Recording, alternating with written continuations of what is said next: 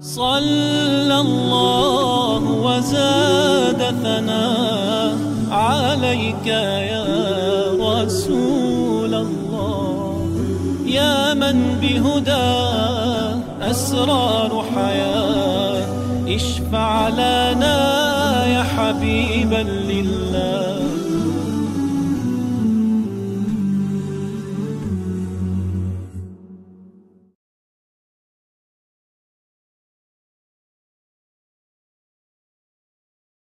بسم الله الرحمن الرحيم الحمد لله رب العالمين وافضل الصلاه واتم التسليم على سيدنا محمد وعلى اله وصحبه اجمعين اللهم علمنا ما ينفعنا وانفعنا بما علمتنا وزدنا علما وعملا متقبلا يا اكرم الاكرمين ارنا الحق حقا وارزقنا اتباعه وارنا الباطل باطلا وارزقنا اجتنابه نسالك علم الخائف- الخائفين منك وخوف العالمين بك وبعد هذا درس جديد أيها الإخوة والأخوات في سلسلة دروس تشرح كتاب رياض الصالحين.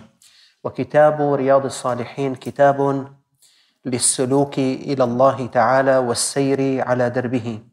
جمع فيه الإمام النووي أحاديث صحيحة ومقبولة عن النبي صلى الله عليه وسلم ورتبها ترتيبا ينفع السالك إلى الله تعالى. بدأ أولا بباب عنونه بباب الإخلاص واستحضار النية لله تعالى في الأعمال الظاهرة والباطنة. وثنى بباب سماه باب التوبة. ذلك لأن السالك إلى الله أول ما يحتاج أن يحرر نيته في هذا الدرب لله تعالى في أعماله وأقواله. ثم إنه يبدأ هذا الدرب بالتوبة. بحيث يترك ما مضى من الذنوب والآثام ويرجع إلى السير على درب الله تعالى. واليوم نبدأ الباب الثالث عنونه بباب الصبر. اعلموا أيها السالكون إلى الله تعالى أن هذا الدرب لا يقطع إلا ببذل الأنفس. وأن هذا الدرب لا ينال ما فيه إلا بالصبر على ما فيه. واعلموا أنك إذا أردت أن تصل إلى رضا الله تعالى فأنت تصل إلى أنفس ما في الوجود. فينبغي عليك أن تدفع ثمن هذا الرضا. ومن يخطب الحسناء لم يغلها المهر. لذلك إذا سلكت في هذا الدرب فاعلم بأنك بحاجة إلى الصبر. أنت بحاجة إلى الصبر على طاعة الله تعالى. سئل واحد من الأولياء بما نلت هذه المرتبة؟ قال بصبري على ذكر الله تعالى تحت هذا الدرج عشرين سنة وأشار إلى درج في بيته قال أنا كل يوم كل يوم كل يوم كل يوم كل يوم عندي ورد من الذكر عشرين سنة. ما قطعته. صبرت على هذا الذكر إلى أن فتح علي ونلت هذه المرتبة. وقال واحد من الصالحين كابدت الصلاة عشرين سنة. واستمتعت بها عشرين سنة. عشرون سنة وأنا أصلي الصلوات على أوقاتها. وحينا أشعر بالقبض وحينا أشعر بالضيق وحينا أشعر بالكرب وحينا أشعر بعدم انشراح الصدر وحينا أشعر بالقبض في قلبي. قال عشرين سنة بس أنا محافظ ومواظب ومستقيم وملتزم وقائم بأمر الله تعالى. بعد صبر عشرين سنة قال فتح الله تعالى علي في الصلاة فأنا الآن أستمتع بالصلاة صلي عشرين سنة. فاعلموا أيها السالكون أيها الإخوة والأخوات أنكم في هذا الدرب تحتاجون إلى صبر. صبر على الطاعات وصبر عن المعاصي لأنه وأنت سائر في هذا الدرب تعرض عليك المعصية. تزين لك المعصية. تقرب منك المعصية. تنادي عليك المعصية أن أقبل إلي. وفي نفسك ما في نفسك من الميل ومن الشهوات ومن الغرائز التي تدعوك. فدعوة من الخارج ودعوة من الداخل. وأنت إيمانك ينادي عليك أن اصبر. إيمانك ينادي عليك أن قل معاذ الله إنه ربي أحسن مثواي. أن قل إنني أنتظر ظل العرش ورجل دعته امرأة ذات منصب وجمال فقال إني أخاف الله رب العالمين. فأنتم أيها الإخوة والأخوات في هذا الدرب تحتاجون إلى صبر. وإن كنت مستعدا لتبذل الروح في هذا الدرب فامشي به. وإلا فدعه لغيرك. إن الله اشترى من المؤمنين أنفسهم وأموالهم بأن لهم الجنة. أما إذا كنت تظن أن تنال رتبا عند الله عز وجل بركعات تصليها حينا وتتركها حينا آخر أو بأيام تصومها حينا وتقطعها حينا آخر أو بمجلس علم تحضره عندما ترتاح وعندما تفرغ وتغيب عنه عندما عندما تريد فما هكذا يبلغ السالكون؟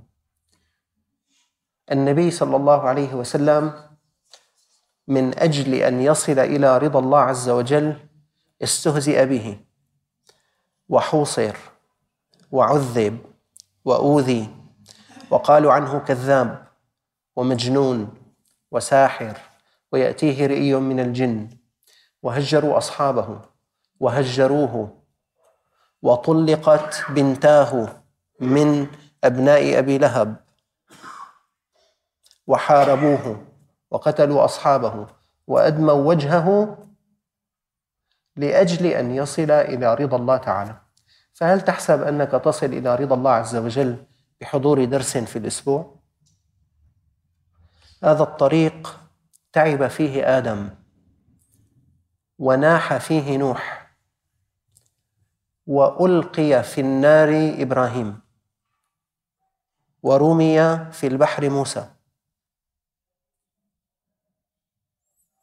وعذب فيه سيدنا عيسى وأوذي فيه رسول الله صلى الله عليه وسلم. وهم جميعا صلوات ربي وسلامه عليهم صابرون صامدون مستقيمون.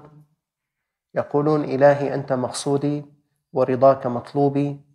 فليتك تحلو والحياة مريرة وليتك ترضى والأنام غضاب.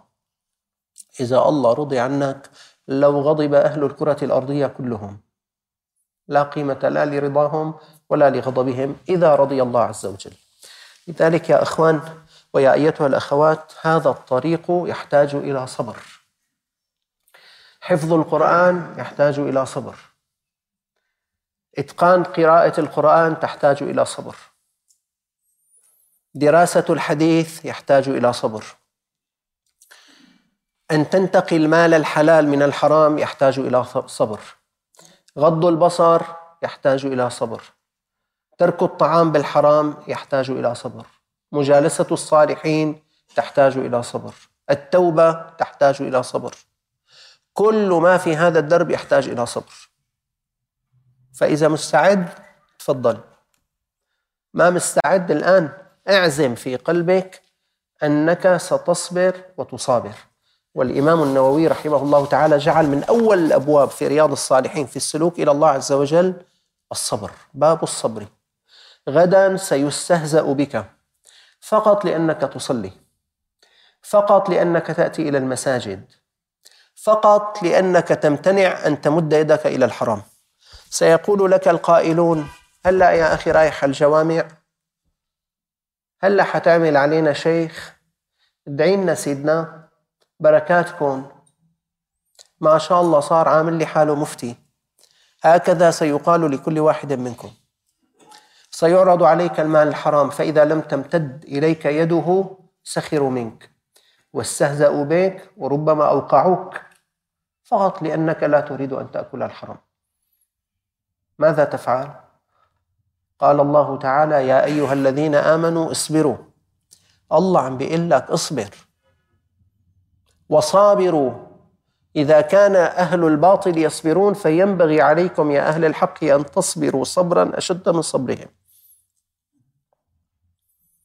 الصبر أيها الإخوة هو حبس النفس على ما تكره مما يقتضيه العقل والشرع. الصبر هو حبس النفس على ما تكره مما يقتضيه العقل والشرع. الشرع يقتضي أن تصلي الفجر في وقتها. النفس تريد أن تبقى نائمة. النفس تريد أن تبقى متدثرة بدثارها. الصبر أن تحبس نفسك على ما تكره. أن تجبرها أن تلزمها أن تدربها أن تعودها على أن تقوم على صلاة الفجر. في البرد في الحر في الصيف في الشتاء تحبسها على ما تكره. فإذا صبرت كانت عاقبتك حسنى. إنما يوفى الصابرون أجرهم بغير حساب. الآخرون يحاسبون. حسنه عشر أمثال. سبعين ضعفا سبعمائة ضعف. أما أهل الصبر بغير حساب. شيك مفتوح. بس لابد أن تحبس نفسك على ما تكره مما يقتضيه العقل والشرع. الصوم يحتاج إلى صبر. فلا بد أن أحبس نفسي على ما تكره لأن الشرع يقتضي أن أصوم. غض البصر الشرع يقتضيه. لابد أن أحبس نفسي على ما تكره. وإن كانت نفسي تطلب إلي أن تنظر يمنة ويسرى لكن لا سأحبسها حبسا وأحملها حملا على أن تنضبط بأمر الله تعالى. فالإمام النووي رحمه الله تعالى عقد بابا وهو الباب الثالث في كتاب رياض الصالحين سماه باب الصبر. ولا يوجد إنسان أيها الإخوة تعرفونه أو لا تعرفونه بلغ رتبة من الصلاح. أو من الرتب الدنيوية إلا بالصبر. لا يوجد إنسان تعرفونه أو لا تعرفونه بلغ رتبة دينية أو دنيوية إلا بالصبر. بدك تصير طبيب بدك تصبر. تاجر بدك تصبر. قال لي أحد الإخوة التجار قال لي ثلاثين سنة بقيت أنزل إلى العمل في الثامنة صباحا وأعود في الثامنة مساء. وبحمل سفرطاس الأكل معي بتغدى بالمحل وأعود إلى البيت. ثلاثين سنة من ثمانية لثمانية الآن هو يملك من المال ما شاء الله كان. الذي ينظر إليه يتمنى أن يكون مثله. إذا أردت أن تكون مثله فابذل بذله. عندك شغل 30 سنة. بعدين؟ بعدين بتصير. قال لي أحد الإخوة الأطباء قال لي كنت أبيت على كراسي المكتبة الليالي أنام على كراسي المكتبة فيك تحط لك هيك ثلاث كراسي جنب بعضهم تتسطح عليهم. وظهرك هيك يصير قطعا قطعا. لكن من أراد أن يصل إلى الرتب العاليات بحاجة إلى أن يصبر. قال لنا شيخنا عليه رحمة الله كان يبيت في عتبة باب المسجد حتى إذا جاء خادم المسجد قبل الفجر بنصف ساعة أو بساعة ليفتح المسجد ضرب الباب فدخل الباب في بطن الشيخ من أجل أن يستيقظ. ما من إنسان تعرفونه أو لا تعرفونه بلغ رتبة دينية أو دنيوية إلا بالصبر. تريد أن تصل؟ اسلك دربهم. أما إذا كان المرء طفلا لا يستطيع أن يحبس نفسه على شيء يبكي كما يبكي الطفل إذا أخذت منه المصاصة. فهذا لا يبلغ مبلغ الرجال طيلة عمره ولو صار له من العمر سبعون سنة.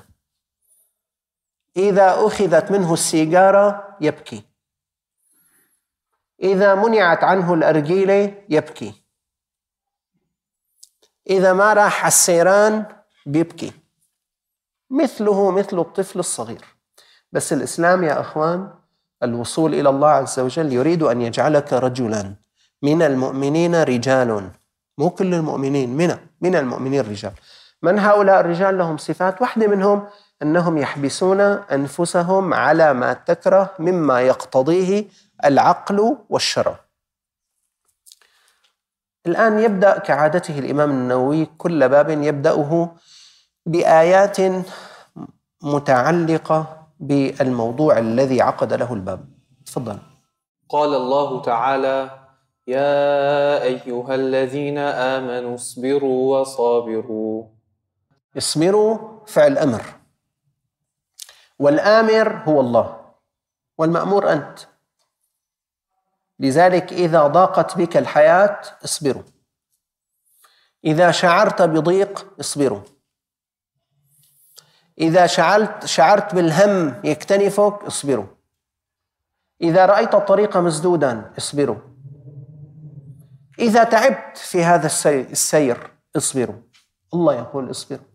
مو بس اصبروا صابروا. يعني بالغوا في الصبر. الحديث والخطاب يا أيها الذين آمنوا يعني أنتم. والمنادي الله عز وجل لازم نقول له لبيك اللهم لبيك. حاضر يا رب. أمرك على رأسنا يا رب. والله الشيء الذي تقوله نحن ملتزمون به. أعنا وإذا إذا ستسمعون أحاديث من يتصبر يصبره الله. إذا عزمت على أن تصبر الله عز وجل يعينك. ويمدك بمدد من عنده. نعم. وقال الله تعالى ولنبلونكم بشيء من الخوف والجوع ونقص من الأموال والأنفس والثمرات وبشر الصابرين. ولنبلونكم هذه اللام واقعة في جواب القسم. يعني والله لنبلونكم. أقسم لكم يا عبادي سنختبركم. نبلونكم الابتلاء هو الاختبار الناس في العافية متساوون. فإذا نزل البلاء تمايزوا. نحن بالجامع كنا مثل بعضنا كلنا منح. هلأ كلياتنا أذن العشاء فصلينا. وبعد العشاء صلينا السنة وجلسنا ذكرنا وسبحنا. والآن نستمع الدرس. الناس في العافية متساوون. بس بدنا بس نطلع على محلاتنا بس نطلع على بيوتنا بس نخرج إلى مصاعب الحياة. هناك بيتمايز. الصادق من غير الصابر. قال الله تعالى ولنبلونكم. هذا قسم من حضرة الله تعالى. وهذه النون نون التوكيد الثقيلة. والله عز وجل قال بشيء من الخوف. مو كل الخوف بشيء. بس أنت في هذا الدرب ستخاف. سيأتي من يخوفك. إنه أنت عم تجي على الجوامع بكرة شوف شلون حينكتب فيك تقارير. أنت يا أخي عم تصلي بكرة شوف ما حتتخرج. أنت يا أخي بتغض بصرك بكرة شوف ما حيوصفوك. أنت كلكم ستخافون في هذا الدرب لأن الله قال وحلف لنا قال والله أقسم لكم يا عباد لنبلونكم بشيء من الخوف. حينا بتخاف على مالك وحينا بتخاف على صحتك وحينا بتخاف على أولادك وحينا بتخاف على وظيفتك بس بدك تخاف. ولنبلونكم بشيء من الخوف والجوع.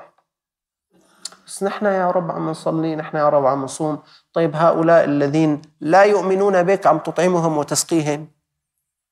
الله عز وجل يريد أن يصنعك على عينه جل جلاله.